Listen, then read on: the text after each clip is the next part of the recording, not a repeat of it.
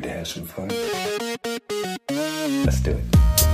Hoi allemaal en welkom bij weer een nieuwe aflevering van De Makers. Ik ben Diede Vonk, zangeres en actrice. En sinds ik ook zelfstandig muziek en theater ben gaan maken, merkte ik net als veel van mijn collega-makers dat ik tegen een aantal dingen aanliep. Vragen als hoe krijg je je werk aan de man? Hoe hou ik mezelf productief? En wat doe ik als ik even geen inspiratie heb?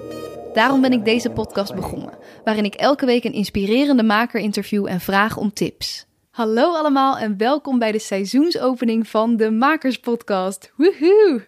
Oké, fair enough. Uiteindelijk zijn er maar drie weken geen afleveringen geweest. Maar ik heb het gevoel dat ik echt bergen heb verzet en heel veel nieuwe stappen heb gezet voor de podcast. Dus daarover horen jullie later meer. Maar voor nu zijn we helemaal terug. Ook wil ik nog even iedereen bedanken voor de leuke, bijzondere reacties op de vorige aflevering. Mijn eerste solo-podcast. Echt te gek om te horen hoe erg jullie ervan aangingen en zelf aan het werk zijn gegaan. Heel veel dank daarvoor. Back to business. Vandaag mijn eerste aflevering na de zomerstop en het is gelijk een knaller, want ik heb maar liefst drie gasten vandaag, namelijk de King Sisters. Dit zijn Joske, Annelie en Marte Koning en je raadt het al, ze zijn dus zussen. Samen zijn ze theatercollectief King Sisters en in 2018 maakten ze hun debuutvoorstelling voor Amsterdam Fringe Festival. Die won toen meteen de Best of Fringe Award, de prijs voor de allerbeste voorstelling van het hele festival. En nu, twee jaar later, zijn ze terug met een nieuwe voorstelling, of hoe zij het zelf beschrijven, een dreamlike performance concert, genaamd Talking Songs. Ze komen allemaal uit net een andere hoek, waardoor zowel muziek, theater en beeldend met elkaar verweven worden. Talking Songs is op 12 en 13 september te zien tijdens het Fringe Festival in de OBA. En leuk detail, de oplettende luisteraar heeft het misschien al door. Vorig jaar tijdens Fringe interviewde ik Joske ook al. Voor het eerst in de podcastgeschiedenis van de makers komt er dus een gast voor de tweede keer. Toen was dat samen met Jumaan Fatal en Onias Landveld en ging ons gesprek met name over het onderscheid tussen persoonlijk theater of theater dat te privé werd. Joske kan supergoed vertellen over de manier waarop zij theater maakt. Dus heel interessant om haar een jaar later weer te spreken en nu dus met haar twee zussen. Dit keer hebben we het natuurlijk over hoe het is om als zussen samen te werken. Ik weet niet hoe het met jou zit, maar ik ben heel benieuwd hoe zoiets met mijn familie eraan toe zou gaan. Als familie ben je meestal extreem eerlijk. Dus we hebben het over hoe ze er toch voor zorgen dat ze zich veilig voelen om samen iets te creëren. Ook hoor je hoe het komt dat ze allemaal zo creatief geworden zijn, wat ze ook als solo-performer halen uit deze samenwerking en hoe je zorgt dat ieders individuele kwaliteiten ook naar boven komen. Heel veel luisterplezier. Hier zijn Joske, Annelie en Marte Koning. Wie zijn jullie en wat maken jullie? Ik ben Joske, Joske Koning. Ik ben uh, afgestudeerd als actrice en ik heb daarna master muziektheater gedaan. Die is van het conservatorium van Den Haag samen met de Veenfabriek destijds, waar Paul Koek toen nog artistiek leider was. En daarna ben ik gaan spelen en wilde ik graag zelf uh, maken en ben ik dat gaan doen. En, uh, en zo is ook uit die, met die ambities ook King Sisters ontstaan. Dus actrice, theatermaker, schrijver, ook wel. Toch? Zo? Ja, zanger. Zangeres. Inderdaad. Zeker. Jullie zijn het eigenlijk allemaal gewoon nu. Maar van oorsprong ben jij de actrice, theatermaker. Nou, als je het wil stereotyperen, dan, ben ik, dan, dan, dan, kan ik dat vakmanschap zeg maar uh, op zijn Shakespeareaanse inzetten. Top. dat kan. En naast jou zit Marte. Ja, ik ben Marte. Marte Koning ook. en uh, ik heb twee jaar beeldende kunst gestudeerd in Arnhem aan Artes. En toen heb ik de switch gemaakt naar de toneelacademie Maastricht en daar de performanceopleiding gaan doen. En dat rond ik dit jaar af. Dus op het moment nog studerende, of afstuderende. Mm-hmm. En um, ja, je zou kunnen zeggen dat ik in het begin nog erg beeldende performances maakte. Of ik maakte op de kunstacademie ook al performances. En daardoor ja, uiteindelijk toch de keuze gemaakt om naar de toneelacademie te gaan. Dat het daar ja, op, een, op een andere manier werd gedaan, denk ik. Of daar een soort van het hele totaalpakket was wat ik daarvoor nodig had. En langzamerhand ook steeds muzicalere performances gaan maken. Echt wel beginnend vanuit mijn stem en ja, mijn eigen lichaam inzettend als mijn tool en materiaal. Dus daar zijn zo, wat eerst heel beeldend was, dat is steeds een beetje meer afgebrokkeld en uitgepuurd naar gewoon ik op de vloer en wat dat dan kan doen. Oh, interessant. Gaan we het zo nog verder over hebben. Hm. Naast jou zit Annelie. Ik ben Annelie Koning. Eh, ik eh, ben zangeres. Dus ik heb zang gestudeerd. Jazz en pop in Arnhem.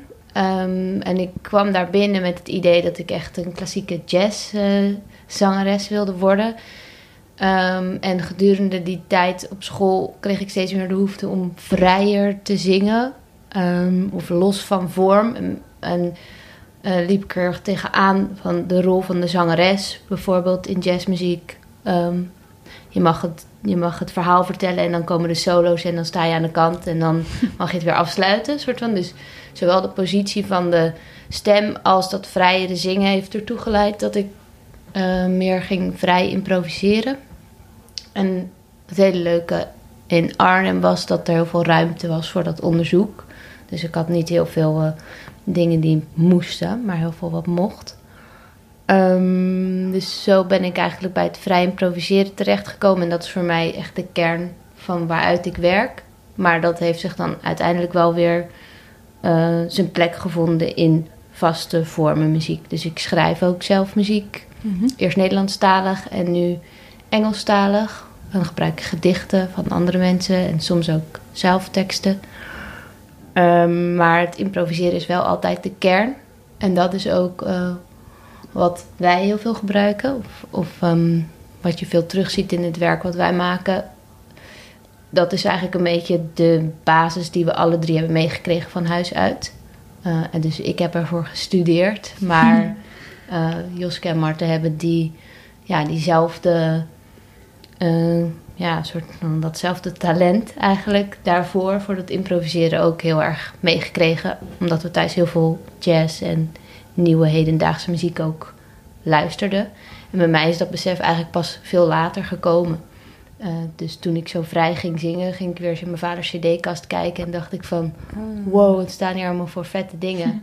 Oh, dus dat kwam onbewust later. Ja. Dat je terugkeek en dacht, oh, dat zat er eigenlijk al vroeger wel Ja, in. En het was wel heel bijzonder bij onze eerste voorstelling. Ehm, toen hadden we, verz- verzonnen we opdrachten voor elkaar. En eentje was zo een nummer voor de andere zingen.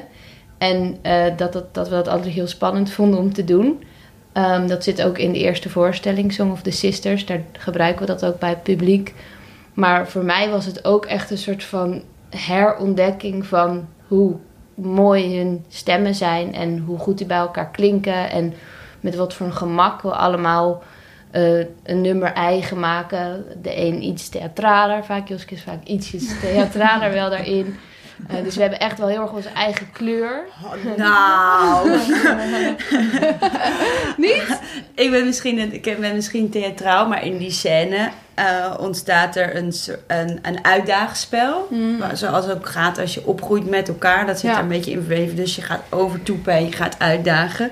En daar zet Annelie eh, haar, ehm, haar enorme range in creativiteit en eh, vocale bereik in. En dat wat ik heel tof vind daaraan en wat voor mij ook echt een fijne openbaring was, is dat zang vaak mooi moet zijn. Eh, en dat hoeft helemaal niet. Nee. Het kan, het, het- de stem en het geluid en wat, wat je communiceert, bestaat uit veel meer dan alleen maar een eh, gepolijst riedeltje. En kan Ja. ook daardoor op een hele diepe manier raken als je dat soort geluid toestaat. Ja, en ik vind het ook heel vet bij ons dat ehm, we zouden heel mooi close harmony kunnen zingen als Ja. we dat willen. Dat hebben Ja. we ook heus wel eens gedaan op de bruiloft van mijn nichtje. Ja, Maar- maar iedereen huilen. Ja, en, en, en dat vinden we zelf ook lekker om te doen. Zo Maar genieten. ja, het is echt genieten ook voor ons. En of we- als we gaan repeteren of zo, dan warmen we vaak op met een kanon. Dan gaan we daar een beetje vrij mee, mee om met die melodieën. En dan heeft die de lead en dan zijn die ondersteunend. En dan, Ja. dan vinden we dat echt heerlijk om met elkaar te doen.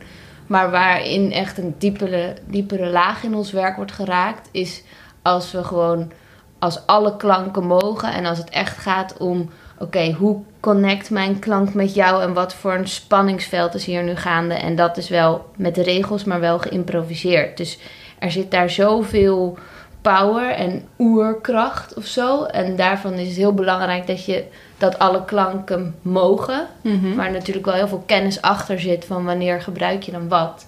Maar dat het Dat je echt kan horen, ah, dat is Marten, dat is Ja. Joske, dat is Annelie. En, en hier vlechten wij samen. En dit, is, dit Ja, zijn wij. Dit is of het zo. bouwwerk wat je Ja, samen maakt. want ik denk ook dat inderdaad daarin, in dat soort klanken worden we zo persoonlijk. En die close harmony. En ik denk ook nu, zo soms als, je, als we mensen bellen of zo, weten ze niet per se wie ze aan de telefoon hebben. Ja. Dus ik kan me ook voorstellen voor de mensen die de podcast luisteren, dat ze niet zo goed weten wie er aan het woord is. Omdat onze stemmen en onze klankkleur gewoon van nature heel erg samenkomt. Ja. Ja, jullie En dat hebben heb wel je- allemaal iets anders. Ik dacht nog van tevoren, oh, het is echt handig als één iemand nou heel hoog praat, één iemand Ja. laag, één iemand. Ik dacht serieus in de trein. Nou, ik dacht serieus in de trein. Misschien moeten we dat gaan doen. Gewoon allemaal met een ander stemmetje praten. Maar ik ben nog heel benieuwd naar die, nou ja, die verschillen en die, die overeenkomst tussen jullie stemmen. En waar zit dan die, die eigenheid? Maar ik wil nog heel even terug naar, eh, ja, jullie zijn drie zussen. Ehm, hoe is dat dan? Uit wat voor super creatief nest komen jullie dan? Dat jullie allemaal iets deze richting op zijn Daar gaan wil je doen. iets over zeggen. Grappige is dat ehm, eh, we daar wel echt in gestimuleerd zijn, maar niet per se uit een of andere dynastie komen. En toen ik naar Amsterdam verhuisde, hier heb je echt zo van die kunstenaarsdynastieën zo zitten. En dan hebben ze allemaal, doen ze wat. En iedereen moet dan ook, heb ik altijd het gevoel, iets met kunst. Ehm, dus die vraag krijgen we best wel vaak. Maar Wat dat, doen jullie ouders? wat doen jullie Ja. ouders? Ja. En dan denk ik ook altijd, wat maakt dat uit? En eh, Ik ben wel benieuwd hoe dat ontstaat. Maar- Want jullie zijn met z'n drieën, toch? Of zijn er nog broertjes? Nee, alleen wij zusjes? drie. Ja. ik Ja. denk dat het een mix is eh, bij ons eh, eh, van de enorme ehm, vrijheid en aanmoediging die we hebben gehad. En prikkeling in de ontwikkeling, in, in creatieve ontwikkeling. We hebben bijvoorbeeld alle drie op de vrije school gezeten enzovoort. En, zijn ook En op toneelles. en op toneel en op knutselen en. Thuis is er heel veel. Werd, we hebben hele jonge ouders, hebben altijd heel veel met ons gespeeld. Eh, maar ook een combinatie van een soort ik denk karaktereigenschap die we delen, die heel erg gaat over eh, zelfredzaamheid en ondernemerschap en doorzettingsvermogen. En fantasie. En, fantas- en fantasie, ja maar, voor- ja, maar om zeg maar nog los Eindeloos voorgelezen worden door papa. heel veel Eindeloos. voorgelezen, met heel veel plezier. En wat je net, net zei, die, dat ondernemerschap, dat, dat eigen gerijden, hoe is dat? Nou, ik denk ook bijvoorbeeld doordat wij, weet ik veel, we zijn op. We zijn niet als meisjes per se, meisjes, meisjes opgevoed. Ze zijn heel erg uitgedaagd in bomen klimmen, hutten bouwen, fik stoken. Ging ook altijd op hele stoere vakanties. Stoere gewoon met z'n allen Lange wandelvakanties. lang, lang wandelen. Iedereen zijn eigen rugzakje. En ik kan me ook heel goed herinneren dat ik dat ook heel fijn vond. Dat ik mijn eigen boterhammetjes smeerde. En mijn eigen waterflesje bij me droeg. Dat vond ik dan... Dat, dat moest ook gewoon. Iedereen, iedereen zorgde een beetje voor, dan voor zichzelf. Omdat we gewoon ja, zo'n hele tocht moesten gaan maken. Ja, Echt lange huttentochten eigenlijk al toen we relatief best jong waren. Dus ja dat je zelf gelijk leert, oké, als ik dorst heb, dan kan ik daar zelf iets aan doen. En Ja, maar concreet wat onze ouders doen is wel... Onze moeder heeft eh, uiteindelijk docent drama gestudeerd... toen ik volgens mij iets van 8, 9, 10 was of ja, zo. ik Dus was eh 13. deeltijd deed ze dat. Dus zij was... En zij deed ook masker eh, workshops of dit of dat. Dus heel veel was zij met haar creatieve zelfontwikkeling bezig... op het moment dat wij wat ouder waren. Omdat ze 23 was toen ze Joske kreeg. Dus op de 30ste had ze al drie kinderen. En eigenlijk pas iets later is zij ruimte gaan eh, nemen voor haar creatieve ontwikkeling. Dus ik denk dat wij dat best wel hebben meegemaakt, dat onze Mhm. moeder dat Ah. deed. En die ging weet ook, ook nog dat ze- met ons Ja, en ze ging ook als ze dan lessen moest, moest voorbereiden of zo, dan ging ze dat s'avonds met ons of met mij, kan ik me in ieder geval nog herinneren, ging ze dat dan oefenen. Dus had ze een boekje met opdrachten en dan ging, was ik het, het eerste zo teststudent waarop ze dat dan ging doen voordat ze dat dan aan haar klas in Utrecht ging, ging presenteren. Dus op die manier. ehm, En onze ja. vader is dus heel ze is geïnteresseerd in nieuwe muziek. ja, in die zin. En eh, is fo- fotograaf, of niet van zijn beroep, maar zeg maar hobby, semi-professioneel fotograaf. ja. En eh, ze houden allebei heel erg van kunst en gingen graag naar theater. Ja. Ja, en papa is ook eh, uitvinder. Hij is ook uitvinder. Dat is misschien chemicus. niet, ja, is misschien niet per se in de kunsten of zo, maar wel een soort van creatief Heel met creatief. met spulletjes of dingen. En wat ik heel mooi vond was dat hij zit ook iets meer in de verkoopkant van van bedrijven. Dus dan is hij degene die met partners praat over de hele wereld. En dat Joske een keer vertelde eh, van... Ik vind het zo bizar als je papa hoort praten met die mensen... dan is hij eigenlijk aan het acteren. Nee, dat zei ik. Oh, dat zei Ja, jij? Ja, ja. ik hoor hem dan wel eens aan de telefoon en hij kan dan zo vloeiend Engels, vloeiend Frans, vloeiend Duits. En dat heeft hij allemaal wel op de middelbare school geleerd, zoals wij allemaal. Maar dan in het werkende leven gewoon zichzelf dat helemaal eigen gemaakt, maar echt ook met accenten dat je denkt, dit is een film of zo die aanstaat. En hij is gewoon die mensen dan helemaal aan het bespelen. En dan denk ik wie Vinden is, wij. Wie is deze man? Maar wel nog oprecht, want hij, kan, hij komt er wel mee weg. Nee, zeker. Ja, hij kan zeker, absoluut ja. niet tegen onoprechte Ja, ja, ja. eh, rechtheid, integriteit en zo. Dat, dat hebben we echt wel. Mijn vader is best wel een moraalridder. Nogal, ja. Wij zijn daar Ja. ietsjes rauwer in. eh, meten meer met onze eigen maat dan Ja. hij, denk ik. Maar dus ik denk dat in die zin het niet zo is van... ah, ja, mijn vader is eh, deze persoon en mijn moeder die... maar dat er wel heel veel in zat. Mhm. eh, in die zin best wel waar je direct aan zou kunnen afleiden... eh, dat wij die kant uit zijn gegaan. Maar het is natuurlijk wel best wel uitzonderlijk... dat we alle drie de kunst in zijn gegaan... en ook best wel in onze eigen discipline zijn begonnen. Van Ja. theater, Marten beeldende kunst en ik zang. En dat het eigenlijk in het werk wat we maken steeds dichter naar elkaar toe komt. Dat Ja. Marten veel meer vanuit zang begint te werken. Dat mijn werk steeds ja, best wel theatrale inslag ook kan hebben. En dat Joske ook de stem gebruikt. Maar Ja. ook veel met een beeldend kunstenares de laatste voorstelling heeft gemaakt. En dus dat je steeds meer merkt Ja. van... Je Hoe- komt toch hoe weer kan naar dit? Dat is wel dichter ja. naar elkaar toe. Ja. Ja, want terwijl jullie dus wel echt allemaal nou, best wel een andere richting hebben gekozen. Ja. Wanneer kwam dan ook het moment dat jullie dachten... Nou, twee jaar geleden hebben jullie die eerste voorstelling gemaakt. Waarom dachten jullie, we gaan nu toch iets samen doen? Nou, het idee dat we iets samen zouden gaan doen ooit is bij iedereen op een ander moment ontstaan. Mart, wanneer had jij dat ook alweer bedacht? Ehm, toen ik, eh, hoe, hoe heette ze dan ook weer? Lisa, Amy en Shelley bij het Junior Euro Songfestival zag. Ja, snap ik. Toen dacht oh, ik- Jean, toch? Nou, maar als, Nee, nee, als nee, nee, kind, die jongeren. junior, toen, Eh, ze, die- toen ze als Maar dat zijn dezelfde, dat zijn dezelfde. Die Dat zijn dezelfde? dezelfde. Ja, ja, zeker weten. Het zijn dezelfde. Toen zij meededen, toen dacht ik, ja, Dit zijn dat, wij. dat kunnen wij ook. Het probleem was alleen dat Joske volgens mij al 13, 14 was. En volgens mij is de max leeftijd 12. Dus ik ontdekte het gewoon iets te laat. Dus ik wilde ons heel graag opgeven, maar het kon niet. Het kon niet meer. Ik heb dat ook nooit doorgeduwd of zo. Van dat gaan we dan op latere leeftijd doen. Of het zelf dan nog gedaan in mijn eentje. Nee, maar vanaf dat moment dacht ik wel van... Volgens mij kunnen wij dat gewoon met z'n drieën. En dat heeft altijd in mijn hoofd bestaan. En waren jullie dat daar toen ook mee eens met dit idee? Nee, ik, was, ik ben zeven jaar ouder dan Marten en ik zat. eh, Ik was, mijn, mijn puberteit had al behoorlijk ingekikt. Dus Ze keek niet naar het Junior Euro wij hadden daar zich geen contact over. ik, heb, ik heb hier ook geen weet van. Oh, je hebt Nee, het dat- misschien nooit echt Ja, dat is dan een heel, heel, heel ja, eigen, fantasie. fantasie, ja. ja. heb ik gewoon helemaal voor mezelf bedacht. Ja, maar dus niet durven delen dan, toch? Met de Ja, of niet, niet de noodzaak zien om het te delen. Ik, ik, ik had dan de rekensom al gemaakt. Jos Ja, is te kan oud, het kan niet, niet. ja. Punt. Ja. Dus dan houdt het op. Ja, ja. En, en wanneer kwam die voor jou, Annelie? Ja, volgens mij heb ik eh, het nooit gedacht. ik, eh, ik, want, want dat vond ik wel grappig dat Joske dan inderdaad wel dacht van dat gaan we ooit doen. En ik dacht van, van dat ga ik echt nooit doen. Volgens mij, zeker toen, toen ik met eh, studeren begon, was ik heel erg van de kunde en van de kwaliteit. En het moet van hele goede kwaliteit zijn en je moet weten wat je doen en, doet. En gewoon heel erg zo'n nerderige conservatoriumstudent.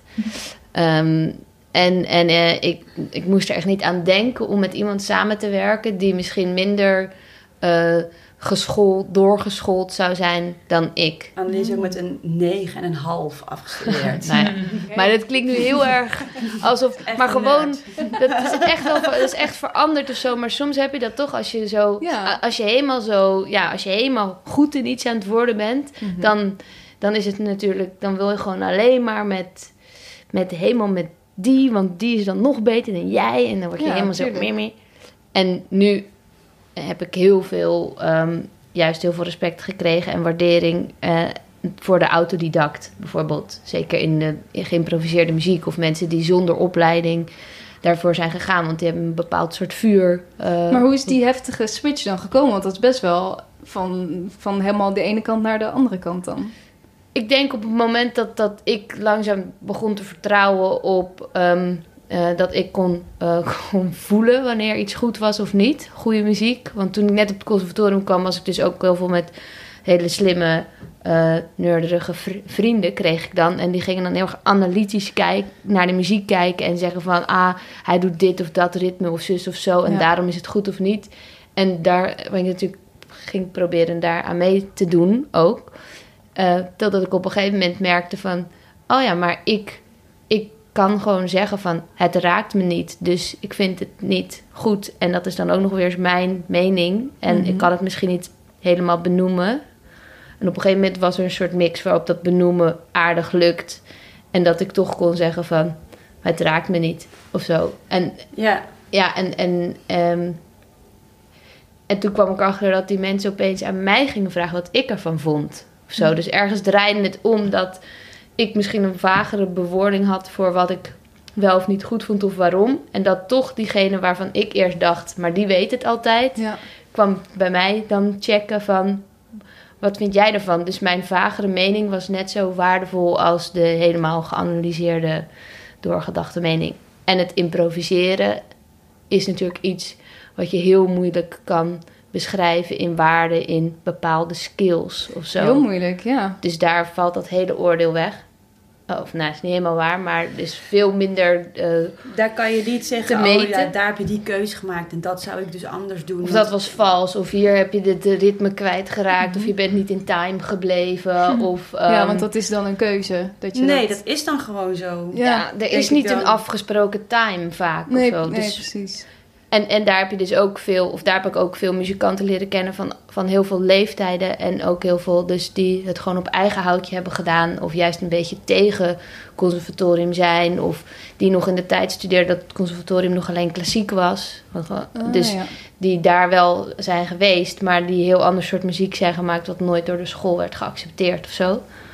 Ehm, dus daar is denk ik met het vertrouwen en iets vinden van, maar hier, dit is mijn kern, dat improviseren. En het vertrouwen van dat je kan luisteren en dat je op jouw woorden mag zeggen wat je ervan vindt. Ja. Is denk ik die switch eigenlijk al na twee of drie jaar dat ik op school kwam, ging dat al schuiven van dat.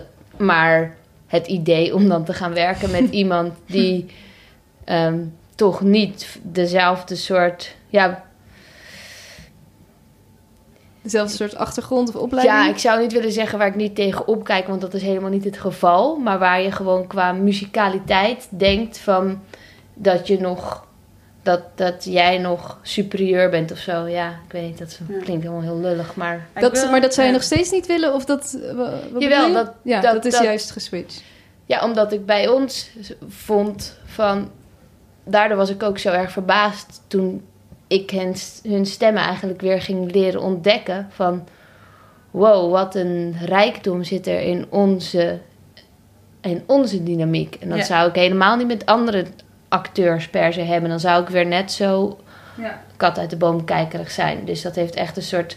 Doordat we gingen werken en doordat we eh, iets gingen maken en dat gingen onderzoeken, kwam ik erachter wat onze rijkdom was. Dus mijn vooroordeel is niet per se weg.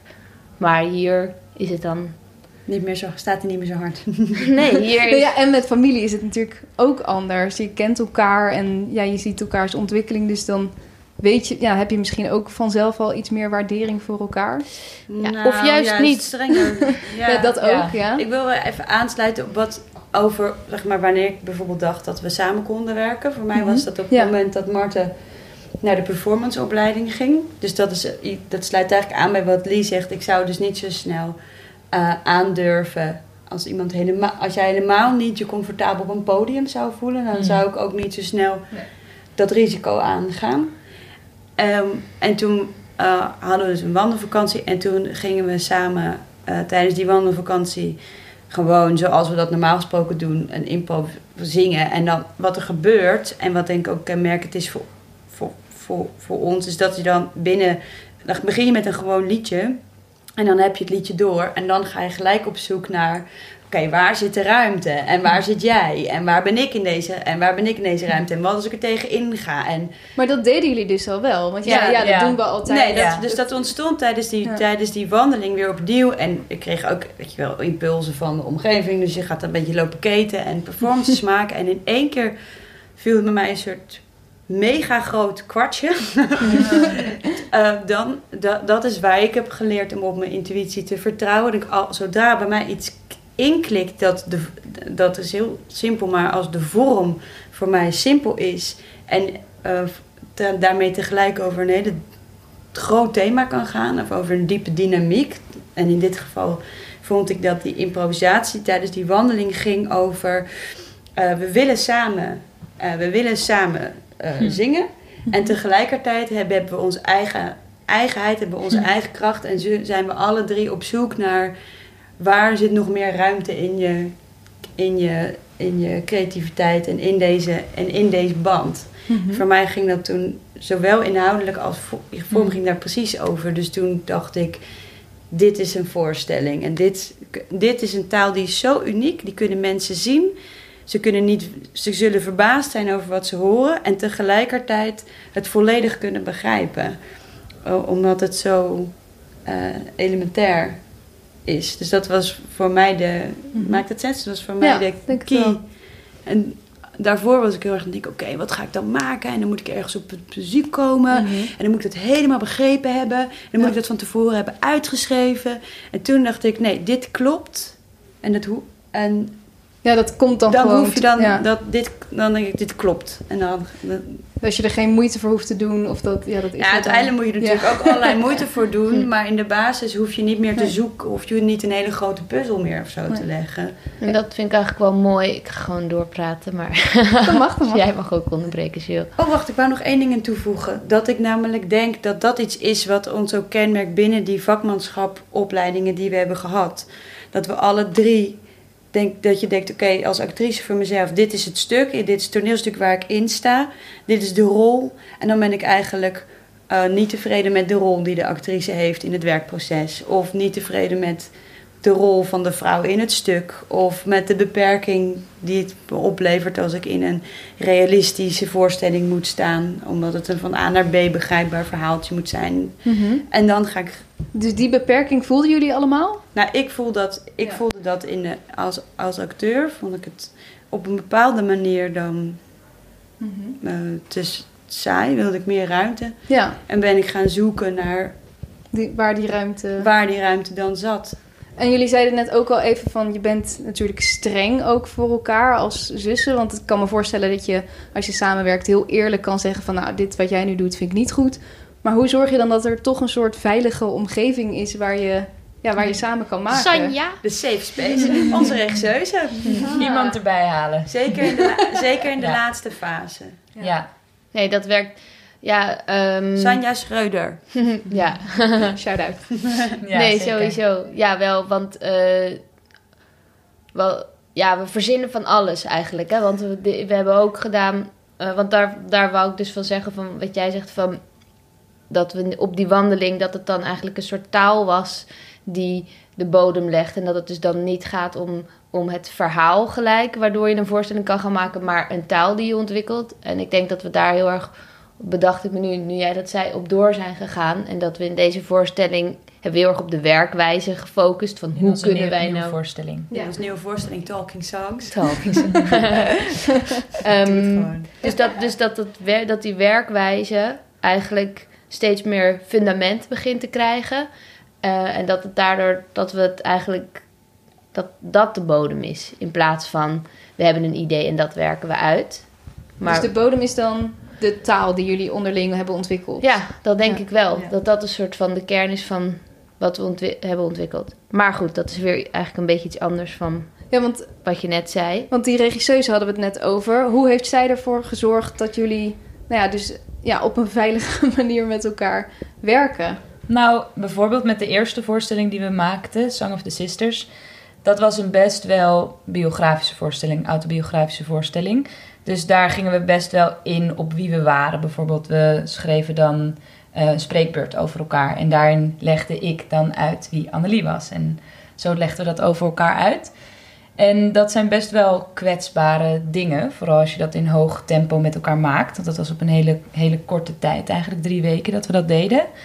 En daar lag best wel veel persoonlijk materiaal gewoon open. En Ja. eh, wa- waar we dan van hadden bedacht: oké, dit gaan we dan dus maar gewoon doen. Maar als je dat onderling maakt en, en je ziet, je kent elkaar zo goed, dus je ziet ook in de reactie wat het met iemand doet dat zoiets wordt gezegd. En aan de ene kant weet je, oeh, dat is misschien net een tandje te ver, maar daar zit ook weer potentie in, want juist dat opent ook weer iets en maakt ook iets zichtbaar voor het publiek waar we wel, we hebben er wel, wel voor gekozen om, om zo'n onderwerp dan te pakken. En Sanja hielp dan bijvoorbeeld heel erg door dat gewoon te laten zijn. Dat gewoon daar een plek voor te geven van speel deze scène maar uit. Die ruzie, dat is ook heel grappig. Zet het maar nog eens een keer extra aan. Je kan het ook uitschrijven en het dan weer herhalen. Dus een soort van wat meer theatrale handvaten daarvoor geven, waardoor het makkelijker wordt op het podium te doen. En ik zelf vind het heel erg moeilijk om mezelf, ja, om zo'n derde oog weg te halen. Dus als ik iets doe op het podium, dan is het gewoon Marten die dat doet. En Marten die dat zegt. En Marten die deze beweging maakt. Ik vind het heel moeilijk om daar afstand van te nemen. Dus met derde oog bedoel je iemand die dat je van bovenaf naar jezelf kijkt? Of Ja, ja, dat, Ja. Ik, dat ik altijd gewoon bewust ben van wat ik doe. Dat ik niet op kan gaan in een rol of zo. Of, ik heb ook wel spellessen op school gehad. Niet veel, want ik doe niet de acteursopleiding. Maar dan, dat, dat, dat gaat moeilijk. Dat vind ik echt heel erg moeilijk. Dus om dan zo'n heel persoonlijke tekst te zeggen... en daar ook de ruimte in te nemen... om mensen wel te kunnen laten lachen over mijn heel serieuze woorden... of dat ik iets zo beladends... Zo die tekst die ik toen heb geschreven... ik zou het gewoon echt niet meer uit mijn strot kunnen krijgen. Ik vind het gewoon awkward, gênant. Maar dat nu moest. misschien Dat- even. dat, nou, toen ook. En het moest weer, keer op keer, want het bleek iets goeds te zijn. En ik, nou ja, dan helpt het gewoon wel echt heel erg als er iemand van buiten je zussen is. Omdat je dat op, met iemand anders wordt het dan... We kunnen heel goed professioneel met elkaar omgaan, echt heel erg. Maar de kracht van onze samenwerking zit erin dat we niet alleen maar collega's van elkaar zijn natuurlijk. Dus je moet dat ook persoonlijk aanvliegen.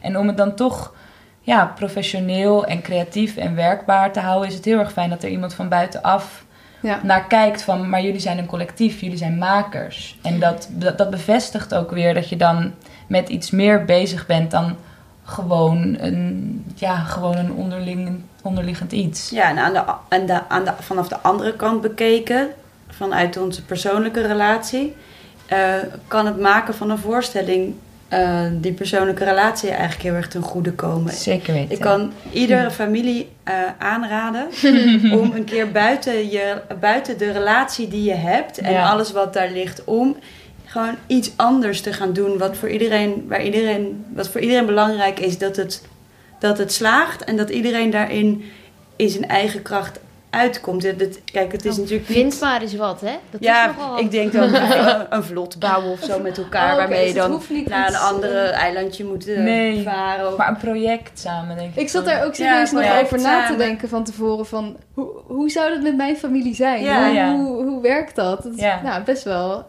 Ja, want mensen Intens. zeggen van het is heel, oh, het lijkt me heel kn- of knap of bijzonder of zo. En aan de ene kant ja, klopt. Maar aan de, an- aan de andere kant, inderdaad, doordat wij zijn gaan samenwerken, zien we elkaar heel erg veel. Ja. En eh, hebben we eh, iets om over te praten als er een eh, verjaardagsfeestje is. I mean, die hebben we bijna nooit, dat soort familietraditie dingen. Maar het, we hebben iets met elkaar Ja. wat, wat het voor ons belangrijk maakt om elkaar te blijven zien en op de hoogte van elkaar te blijven. En dat zorgt er dus ook voor dat je betrokken blijft, eh, geïnteresseerd in elkaars werk, überhaupt. ook in het andere werk wat we maken. En daardoor ook ehm, ja, beter op de hoogte van wat er in je dagelijks leven eigenlijk gebeurt. Ja, en wat je zegt, doordat bijvoorbeeld dan een regisseuse erbij is, of je maakt een voorstelling, en dat vind ik dus heel tof. Bijvoorbeeld, stel, jij hebt inderdaad, als je op de vloer staat, eh, is een ander soort energie dan als ik op de vloer sta. Want Ik Mm. vlieg soms gewoon ergens in en dan is het paard vertrokken. dus dat, dat is weer, zeg maar een soort andere energie. Ja. Maar het mooie is dat je die verschillende energieën naast elkaar op de vloer he- hebt staan. En Ja. dat is ook wat er bijzonder aan is. En wat ik ook een prettige manier vind om te werken. Dat alles mag zijn. Toen we net onze eerste voor... Dat betekent niet dat we geen, geen oog hebben van dit moet er wel in, dat moet er niet in. Maar jij hoeft niet zoals ik op de vloer en ik Ja. hoef niet Ja. zoals jij op de Je vloer. laat elkaar is wel echt vrij in wat iedereen brengt. Ja, en daarom kan ik ook inderdaad elke familie aanraden om zo'n soort project te doen. Omdat je gaat kijken naar wie ben jij, wat breng jij mee en welke, wat, vind ik, wat, is een kracht, wat is een kracht van jou en hoe kunnen we elkaar versterken of waar zit de frictie. En als er een frictie is of een conflict, dan is dat niet destructief, maar dan is dat juist interessante spanning Ja. in de context van een voorstelling, de Ja. vloer. En dat was ook wel fijn van iemand als Sanja. ehm, of, nou eigenlijk Ja. vooral heeft zij die rol op zich genomen dat... Er, we waren allemaal soms in het proces wel ergens onzeker over. Of ontevreden. Of gewoon de weg kwijt. Of ik weet niet waar het naartoe gaat. Dat was in Song of the Sisters. Nee, oh nee, nu heb ik het eigenlijk over... Ook in Talking Talking Songs. ook in Talking ja. Songs. Ook zeker, ja. Dat, en dat is gewoon heel erg fijn als je dan, omdat we en de makers zijn natuurlijk, en de spelers of de performers, dat het, dat het niet alleen maar eh, je medemakers zijn en ook nog eens je zussen, waarbij je dan totaal je onzekerheid moet gaan delen, want dat is super kwetsbaar. Maar doordat Sanja daarvoor zat, kon ik bijvoorbeeld zeggen van ik snap dit gewoon niet of ik voel het niet of nou ja, en dat hadden we alle drie wel.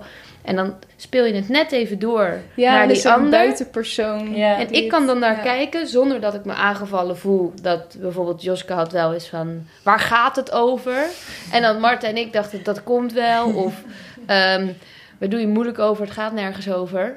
Weet je, of zo. Of, ja, ja. niet dus, dus dat was best wel soms een, een conflict. En dan was het heel fijn dat Jos niet tegen ons hoefde te zeggen... waar gaat het over? Ja. Maar Nee. dat ze dat tegen Sanja kon zeggen. En dat Sanja, of ze nou Hm. vond dat het niet uitmaakte of niet... Dat, daar ging het niet om. Zij ging kijken hoe ze dat Hm. met ons kon oplossen. Waar dat zat. En Ja, wat er, ja. En ja. ik kon dat aanschouwen. Dus ik was wel degelijk deel, maar ik voelde me niet aangevallen. En Joske hoefde ook niet eh, enorm zich te bewijzen dat het nergens over ging. Want Sanja was gewoon gelijk mee. Terwijl ja, met elkaar niet. ga je dan misschien in discussie. En, Ja. ja. Ah. En ik wil het nog even hebben over jullie, nou, jullie nieuwe voorstelling natuurlijk, Talking Songs. Mhm. Die hebben jullie op best wel een bijzondere manier gemaakt. Op een bijzondere plek. hoe, hoe was dat? Nou, bijzonder. Eh, bedoel je mee omdat het tijdens de lockdown was? Absoluut. Terwijl alle acteurs alleen eenzaam thuis zaten.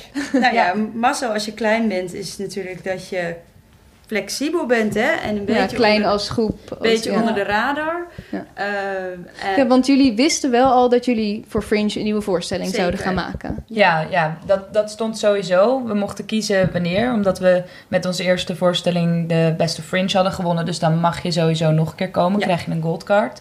En dan of het jaar daarna, of na twee jaar. Toen hebben we gezegd, we komen na twee jaar met een nieuwe voorstelling. Want je kan dan ook gewoon nog een keer dezelfde voorstelling spelen. Oh, Maar het beviel goed, dus we dachten we willen weer wat nieuws nieuws. maken. Dus dat, dat hadden we sowieso al gepland. En toen kregen we de kans, of toen konden we pitchen bij Zilberzee. Dat is een eh, operahuis in Amsterdam ook. Werkt met veel experimentelere opera's, groot en ook klein. En ondersteunen dus ook jonge makers.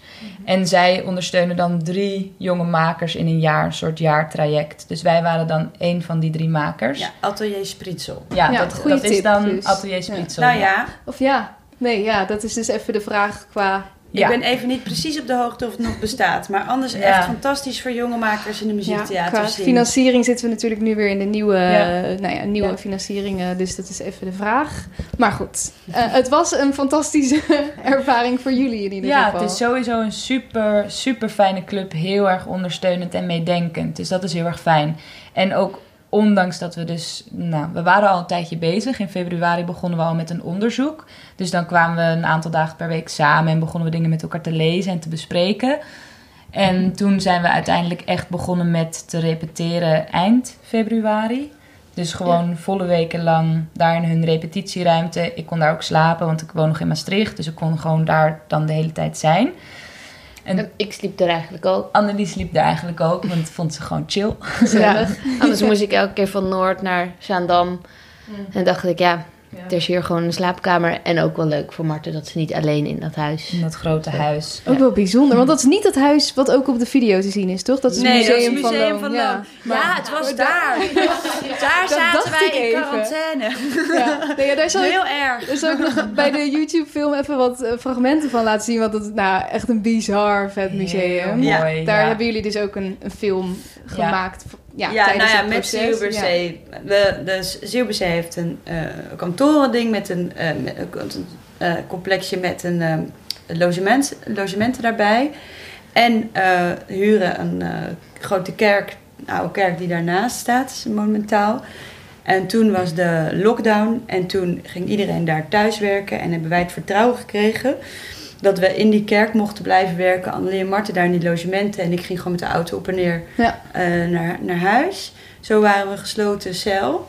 En ze hebben echt... eh, want de, de, de verhuurder die eh, had er soms ineens eh, zijn vraagtekens bij.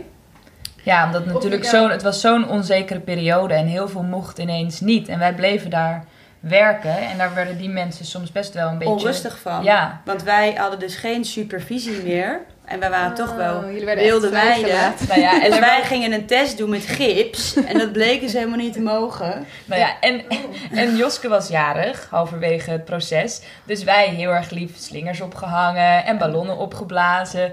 Nou, na het weekend kregen we appjes van via via dat ze boze berichten hadden gehad. Dat wij een feest hadden gegeven in de Oh, kerk. en tijdens dat ze lachgasballonnen hadden gevonden.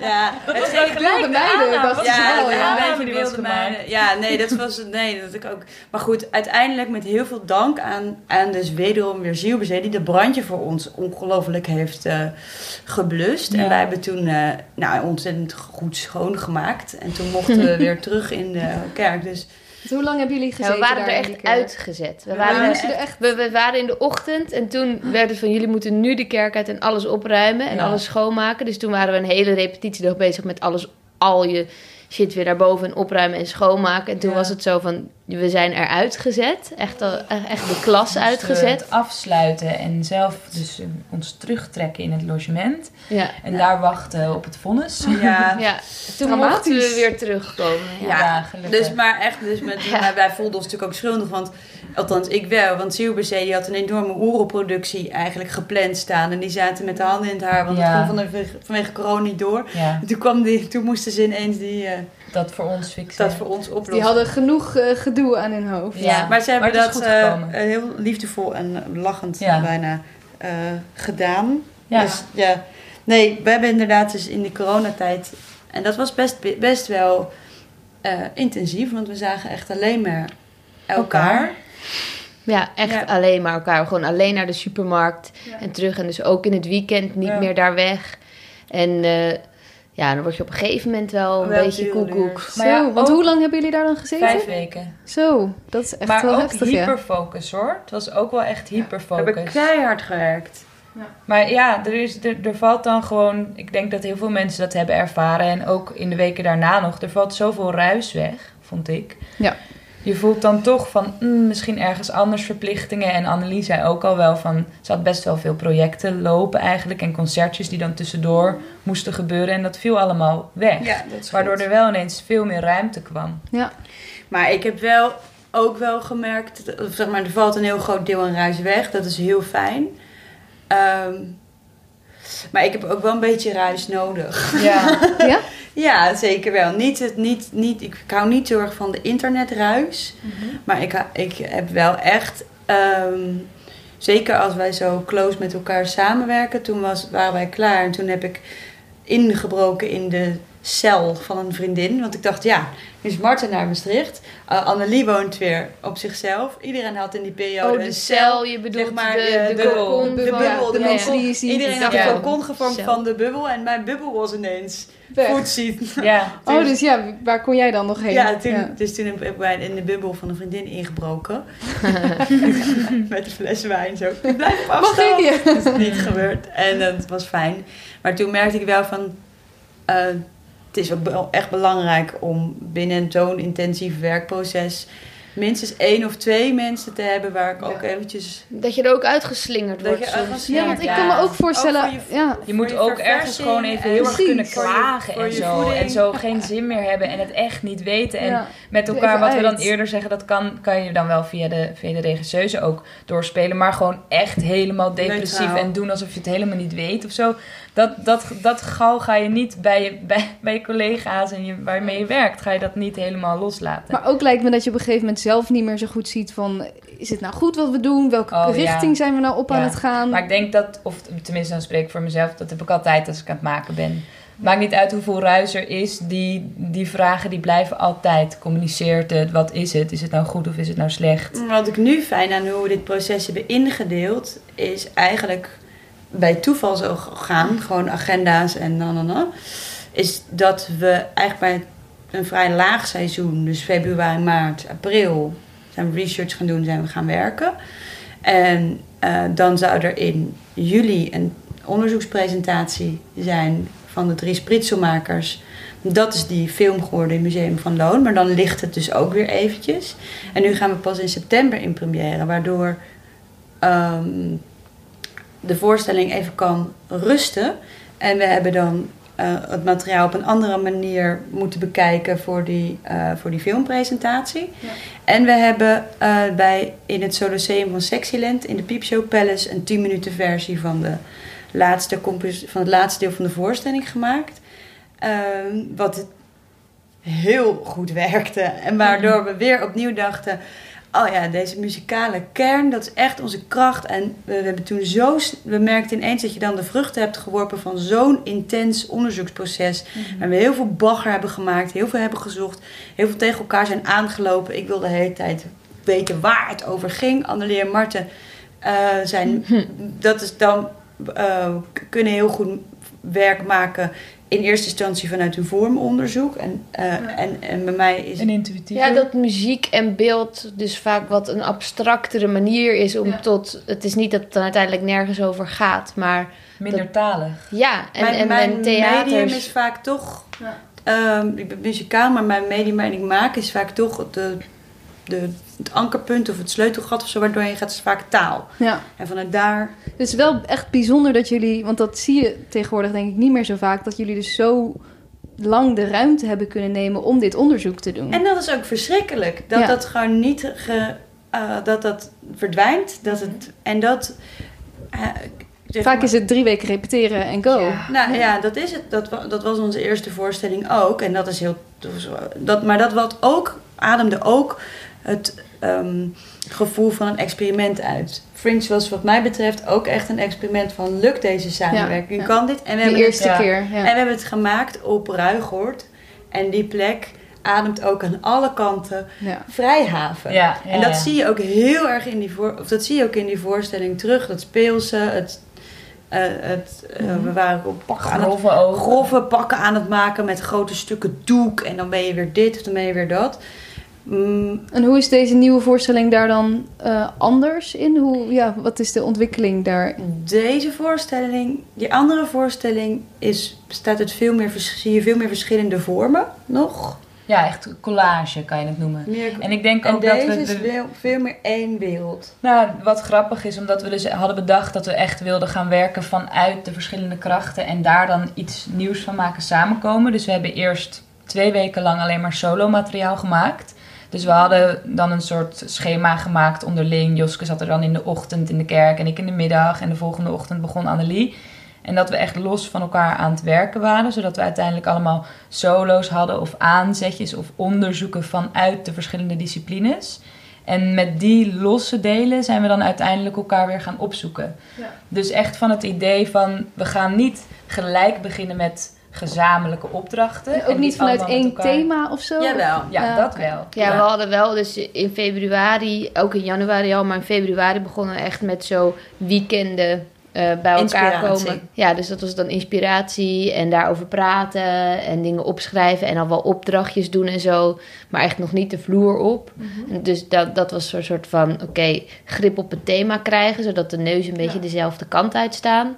En dan vervolgens, omdat we bij de vorige voorstelling wel heel erg collectief gelijk te werk waren gegaan, En dan wordt het, werd het een beetje dus van alles wat of zo. Mhm. Wat helemaal oké was voor die voorstelling. Maar nu wilden we kijken, oké, wat gebeurt er als je eerst vanuit jou als solist werkt? Ook omdat we dat sowieso in onze praktijken naast het collectief ook doen.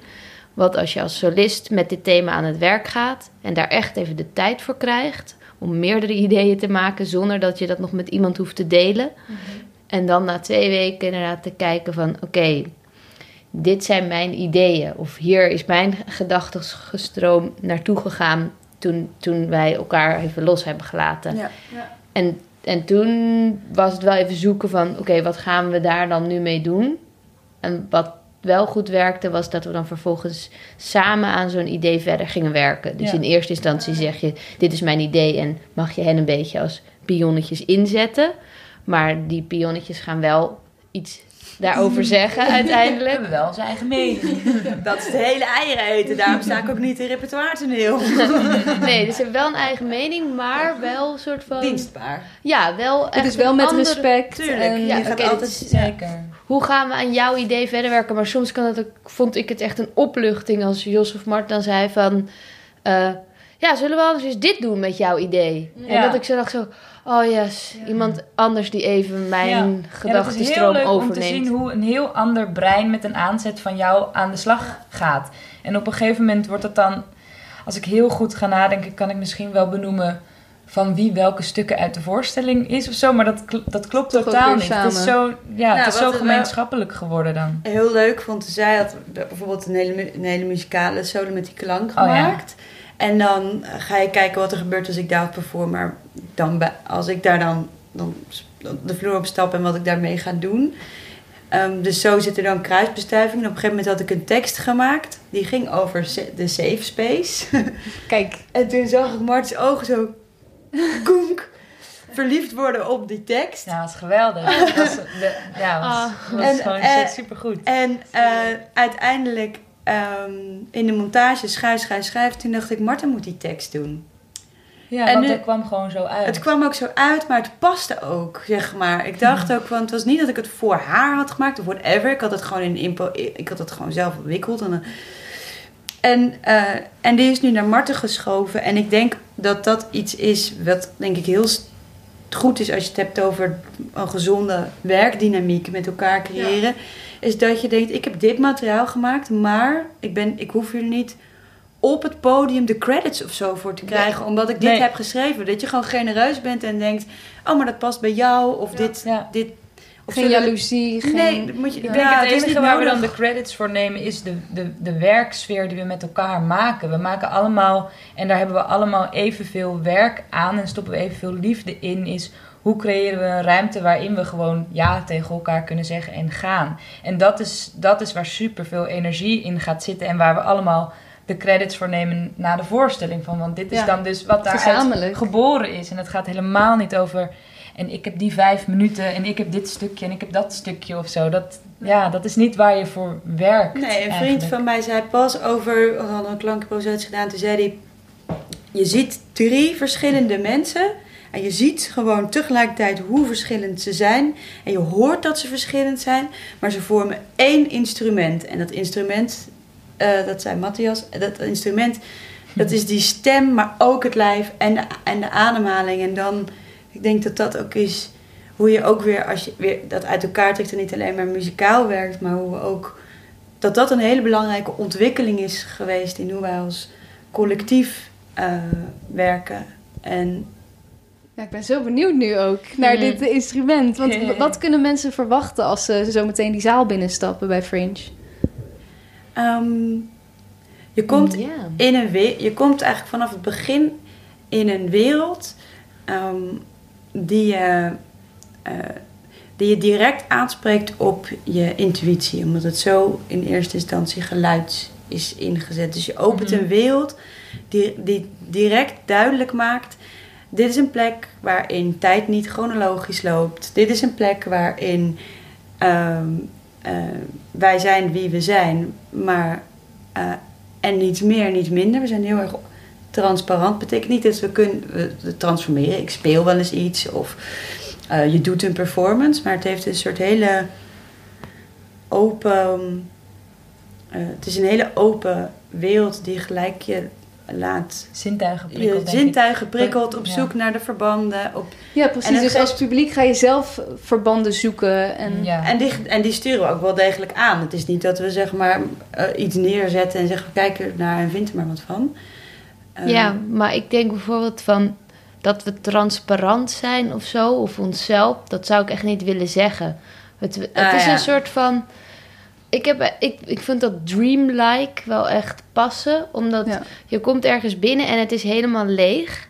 En doordat je die geluid, geluid wat gelijk wordt aangezet en best wel minimaal begint het met wat we laten zien, kleine dingetjes, be- ben je gelijk heel erg aan. Maar er kan een soort van alles zou kunnen gebeuren. Ja. dus Ja. er zit een soort spanning in de lucht, Ja. een soort je weet het niet, een soort het is net niet eng, maar het is toch wel echt alsof je een soort van ja in een droom ook dat het opeens helemaal een andere kant uit zou kunnen slaan. En die, die staat van, van met elkaar ergens zijn, maar nog niet precies weten wat er gebeurt, die voelen wij volgens mij ook. Dus in die zin zijn wij niet echt iets ook. We zijn ook gewoon wezens daar. Nou, en het is ook wel, wel, wel typisch dat Joske dan nu zegt transparant en Annelies Ja. zegt nee, volgens mij niet. Want het onderzoek waar we echt uit gestart zijn en de vraag die we onszelf hebben gesteld is: wat toon je wel en wat toon je niet?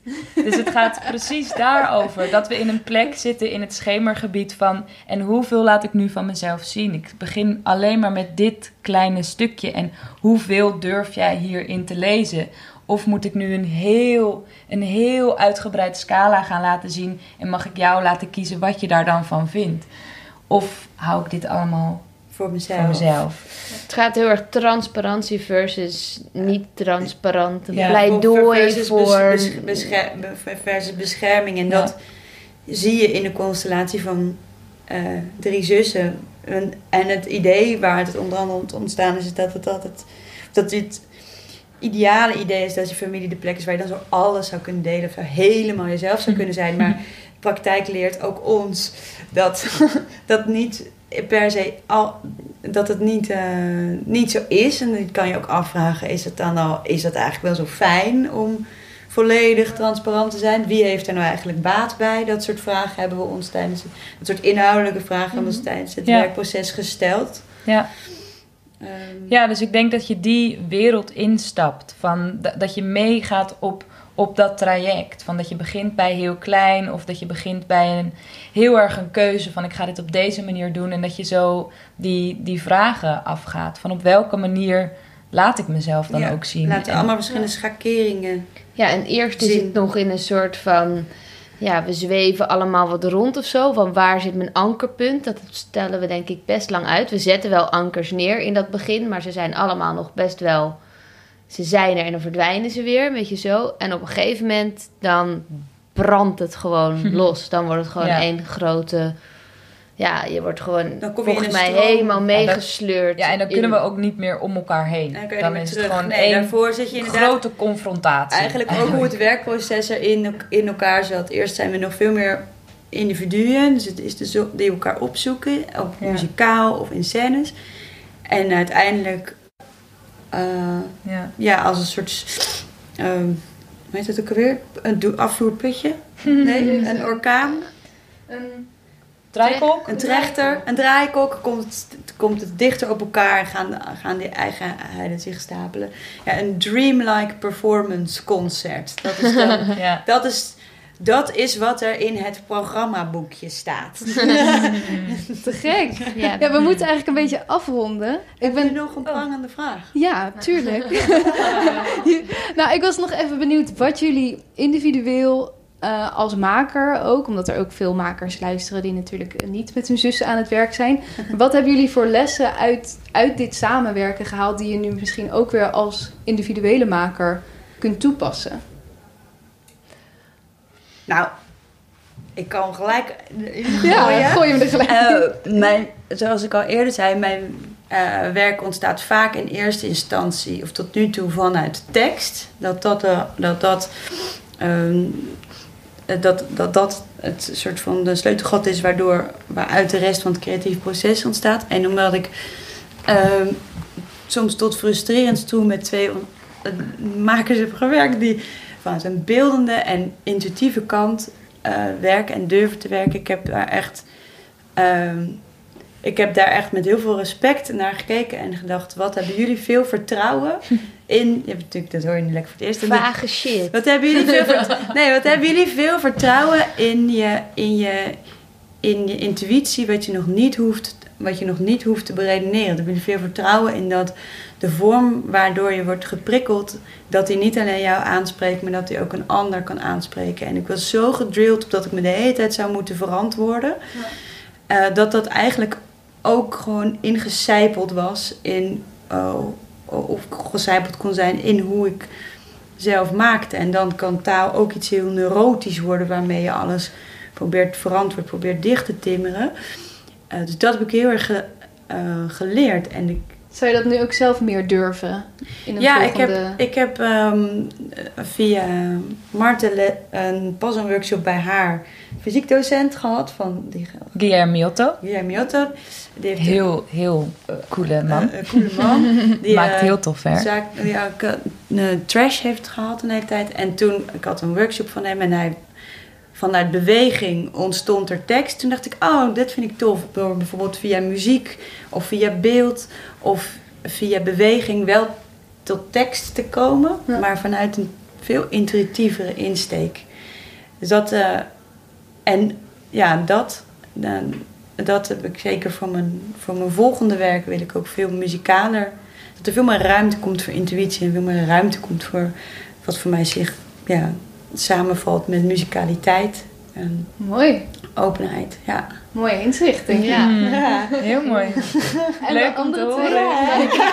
wat zeg je wel? Kan ik wat zeg niet, je kan ik niet tegen. Ja, ik heb Even hier, complimenten. ja, je hebt hier wel dingetjes tegen mij over gezegd. Van, Ja. Maar ik wist niet dat, dat, dat je het Nee. zo cool vond. Ja. Ah, lief. Ehm, ja. Ehm, weet jij het al? Ja, ik weet het wel. Ja.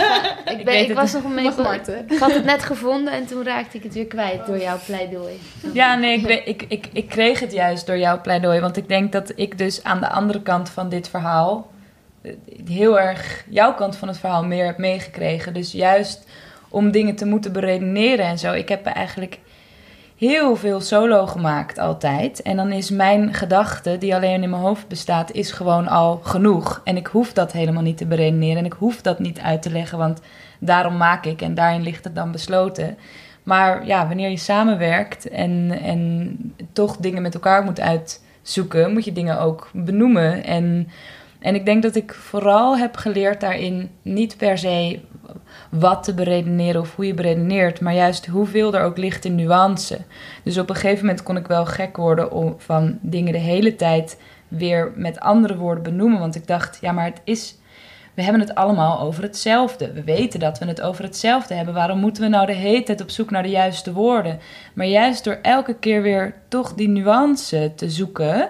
En, en, en het ligt niet alleen maar in het praten, maar ook in het wanneer we aan, wanneer we aan het improviseren zijn met elkaar met stem.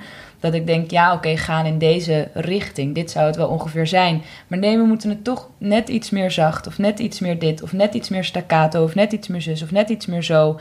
Dan is het niet alleen maar de intentie die al een, ja, iets levert. Maar dan is het echt de weg er naartoe. Hoe je het vormgeeft en hoe je het nuanceert. En dat heb ik echt geleerd in het, in het samenwerken. Want in je eentje kom je dat niet tegen. Want je, gaat je gaat niet met, met jezelf in discussie. Je hebt een idee en je voert het uit. En, en juist dat je een lange weg moet afleggen met elkaar, om met elkaar op dezelfde stroom te komen, ja, dat, dat vind ik echt super waardevol. En ehm, ik weet wel dat ik in mijn eentje als solomaker dat niet zo makkelijk zou kunnen toepassen met mezelf op de vloer, maar het heeft me wel ja, gemotiveerd om te denken: ik moet eerder met mensen, met mijn kleine ideeën al gaan gewoon het al gaan vertellen. En al gaan zeggen, ik denk een beetje in deze trant. En wat is jouw reactie daarop? En niet wachten tot op het laatste moment. Het is ook een veilig vormgegeven jezelf een ja. beetje beschermen misschien, dat Ja. je daarmee wacht. Ja. Ja, zeker. Ja. En nu, nu heb ik ondervonden hoe veel rijker het kan worden. Terwijl ik eerst altijd dacht van, ik zoek het zelf wel uit. Ja, precies. En dan zie je wel wat ik maak. Cool. Ja. Annelie, Mm. heb jij nog een slot? Ja. Eh, toch wel wat ik net ook al had. Maar ehm, het staat misschien. Whatever. In ieder geval, ehm, op, eh, in de muziek is het vaak zo dat toch één iemand de bandleider is. Of degene is die met het initiatief komt en de anderen doen mee. En die zijn vaak in eerste instantie misschien een beetje meer laid back. Omdat ze blij zijn dat ze dus zelf even niet de kar hoeven te trekken of zo. En door de muziek kunnen ze wel heel erg enthousiast worden en ook zich verbonden voelen. Maar het blijft meestal zo dat, dat uh, alle productietaken en zo, maar ook het, het, ja, het organiseren, maar ook het maken van de muziek, dat dat, dat dan helemaal één iemand is. En dat vind ik heel erg uh, bijzonder bij ons. Um, dus gewoon überhaupt het werken in collectief. Dat het bij jullie dus niet één iemand is die de kar nee, trekt. Nee, en dat is volgens mij ook misschien veel ja, normaler als je een collectief bent of als je in theater werkt. Um, maar ik ken dat niet uit de muziek. Want daar is het toch altijd, je bent een band en één iemand is degene die de, die, die band leidt. Dus dat, dat je die taken helemaal verdeelt en dat je eigenlijk dus op de vloer met elkaar aan het maken bent. En dat je allemaal, dat er niet één iemand is die de knoop doorhakt. Want dat is wat een bandleider vaak doet. Van oké, je mag allemaal je zegje doen, maar ik kies ervoor om uiteindelijk toch voor deze artistieke keuze of zo. En dat we heel de tijd daar dus gelijk in zijn. En dat die rollen dus switchen. Dat soms geef je iemand ook de ruimte om de keuze te maken. Dat. Daarnaast het werken, het werkproces. Dat je vijf weken achter elkaar van tien tot zes of zo met elkaar werkt. Dat is echt iets absurds. En, en ik ben nog steeds wel, als we weer zouden gaan werken van... oké, okay, hoe kan ik nog mijn uh, muzikale praktijken door laten gaan naast dit werkproces. Want vijf dagen in de week fulltime repeteren en daarnaast nog optreden en nog lesgeven, dat kan eigenlijk niet. Nee. Maar wel om dit even te mogen hebben ervaren. Ook dankzij corona natuurlijk, waardoor het niet alleen niet heel stressvol uh, meer was. Uh, en in wat voor soort sfeer je dan terechtkomt en op wat voor manier je dan kan gaan uitproberen. En dus hoe verfrissend werk je eigenlijk kan maken. Dat heb je niet als je met een band één keer in de week twee uur repeteert. Nee. Dan ga je inderdaad dat wat je hebt bedacht uitvoeren. Zou je dat met een band ook eens willen proberen? Hoe dat dan zou zijn? Als het echt heel leuke mensen zijn, hè? ik weet het niet. Misschien vind ik het wel prima om het met één groep te doen. Ja, ja, ja. I don't know. Ja, maar misschien ja, wel... dat het gewoon een ander soort iets is. Ja, of misschien dat het wel... Ik kan me wel voorstellen dat ik dat ooit eens een keer zou willen gaan doen. Maar ik vind het heel fijn dat ik verschillende groepen heb... waar ik verschillende manieren mee werk. En ik ben heel erg blij dat wij dit op deze manier doen. Um, maar ik vind het ook een grote opoffering. Dus om van tien tot zes dat vijf weken of weet ik veel te doen. Maar ja, ik, ik vind het wel dat het zijn van het collectief en dat zo intens met elkaar zijn en dat heel de tijd met elkaar maken um, iets, iets heel bijzonders. En ik vind dat wel een gemis in de muziek dat dat daar niet is. En dat komt ook wederom weer door budget en tijd. Hè? Dat in de jazzmuziek iedereen in tien bands zit. Ja. Dus als je eens een keer een repetitie voor elkaar krijgt van een paar uur, dan mag je blij zijn. Ja, zo. het is geen focus eigenlijk, wat er nu wel door corona heel erg is geweest. Ja, ja. Dus um, dat. En wat dacht ik er nou nog meer over? Ik dacht nog iets. Oh ja, ook dat, dat delen dus. Dat herken ik ook. Want ik deel het wel met mensen natuurlijk. En we gaan het wel samen maken in de muziek. Maar uh, ik heb alle research van tevoren zelf gedaan. En ik ben met de muziek gekomen en met het plan. En dan mogen ze daar nog op shooten. Mm -hmm. Maar dan ben ik eigenlijk al niet meer heel open. nee, dan Of heb zo. jij dat hele proces al gehad. Ja, ja. dus, dus En, en, en dat wou ik eigenlijk zeggen van... dat is helemaal niet eens alleen maar, alleen maar in de muziek... maar dat is gewoon in je leven zelf überhaupt. Dat, dat het durven delen van... Um, als je een pril idee hebt om, om Ja. dat mensen... of als je een gevoel hebt of zo... om mensen daarvan deelgenoot te maken... en je kwetsbaar op te stellen... en niet het eerst allemaal al te moeten weten... voordat je Ja. ja tegen iemand zegt of nee tegen iemand Ja. zegt. Of gewoon dat, dat je dus... dat je het niet al dat voorwerk al hoeft te doen. Dat je het niet al hoeft te Ja, weten. voordat je Al iets dat, mag Ja, dat neurotische Ja. en zo. Ja, of dat nou in de kunst is of gewoon überhaupt. Ja, Ja. Ja, ik was ook echt verbaasd dat ik het zo eng vond om een solomateriaal met jullie te delen. Ik denk dat jullie Hm. daar veel dapperder in- waren tijdens het repetitieproces in het begin. Nou, ik Ik vond dat ook heel eng. Nee, maar ik, heb gewoon, ik deed gewoon niet. Je wilde het gewoon niet. ja, deed het gewoon niet. Ja, Ik tijdens. zei gewoon, ja. eh, nee, nee, nee, nee, nee, kom maar. ja. En dan kon ik zelf op een gegeven moment een selectie maken van letterlijk... Eh, Ja. Dit is goed Deze, genoeg. dit toon ik wel en dit hou ik voor mezelf. Ja. Gewoon, Ja. Dat zat toen al Ja. erin. ja. Hey, ehm, waar moeten mensen naartoe gaan? Hoe kunnen ze naar jullie voorstelling komen? Eh, nou, ze kunnen naar de website van amsterdamfringe.nl. Geloof ik. Je kan gewoon Amsterdam Fringe. Ik zal hem nog even in de show notes zetten. Ja, alles. Amsterdam Fringe. En dan heet de voorstelling Talking Songs. En Talking Songs is eh, Language No Problem. Dus je kan hem op, als je pagina op Engels staat ingesteld, kan je de voorstelling ook vinden. Daar kan je gewoon kaartjes kopen. Ehm, je kan eh, kaartjes kopen solo, je kan kaartjes kopen duo. Oké. En als je een duo kaartje koopt, dat is bedoeld voor mensen van één huishouden. Mhm. Dan mag je naast elkaar zitten. en dan dat passen er voor ons meer past mensen er in voor ons eh, me- En het Ja. is iets goedkoper. meer zag mensen in zaal en het is goedkoper. Lekker met z'n tweeën komen. Dus ja. precies. Check dat eventjes. Eh, koop een duo kaartje Mhm. met elkaar. En dat moet je in één keer kopen. Het is niet dat ik en jij, en Ja, jij dus een duo Ja, kaartje kunnen precies. kopen. Maar in één transactie koop je zo'n duo kaartje. Ja. En het is dus 12 en 13 september. In de OBA. Dus het de lekker OBA dicht bij het station. De Openbare Bibliotheek Amsterdam. Precies. Je kan er he- vanaf het eh, centraal kunnen naartoe lopen. En we spelen twee keer per dag. Oh, kijk, dus vier keer in totaal. Ja. Ja. Top. Ja. Is er nog iets wat jullie zelf kwijt willen? Wat hadden we, hebben we gemist in dit gesprek? Wat mensen nog moeten weten? Of hebben we alles gezegd? Nou, alles natuurlijk niet, maar we hebben wel Nee, veel gezegd. heel veel gezegd. Ik vond het ja. een heel fijn gesprek. Ja, We hebben het alleen niet over de toekomst gehad. Wil je nee. het nog even over de toekomst hebben? Niet per se, maar ik, ik dacht van... We gaan- Oh ja, daar hadden we het net voordat we begonnen over Ja. of we het daarover zouden hebben of niet. Maar Ik denk dat onze koers, daar kan ik wel iets over Ja, zeggen. dat is leuk. Onze koers eh, eh, eh, eigenzinnig en nog eigenzinniger gaat worden. Mhm. Ehm, we maken performance concerten. Dat hebben we nu uitgevonden. Die concertvorm is, werkt goed voor onze dramaturgie. Past gewoon in een theaterzaal. En die blijven met z'n drieën werken dus ook? Wij blijven met Ja, z'n drieën werken en we blijven individueel werken. Ehm, en eh, we gaan op zoek naar partners die ook in deze tijd eh, eh, grote liefde en groot hart hebben voor experiment en underground. En die er vertrouwen in hebben dat inmiddels het publiek niet achterlijk meer is. En, eh, ge- en, Wat aan kan. en dingen aan kan en die prikkelend en interessant vinden. Dat hebben we bij onze eerste voorstelling ook ervaren.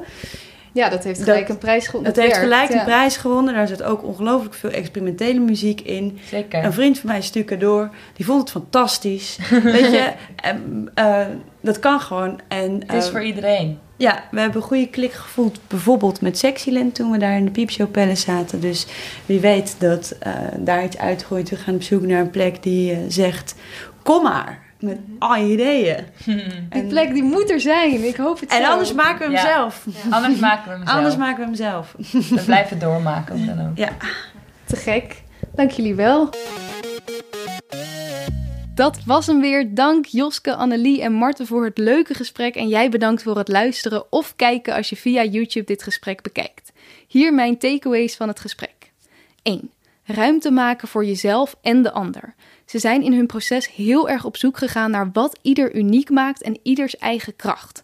Als jij met een groep samenwerkt, dan kan het heel interessant zijn om juist eens individueel te gaan werken en kijken wat er dan komt. Als je elkaar echt alle ruimte geeft, hoe zorg je dan dat je uiteindelijk ook weer bij elkaar komt? 2. Intuïtiever te werk gaan. Net als Joske, en misschien jij ook wel als je dit luistert, werk ik meestal vanuit tekst.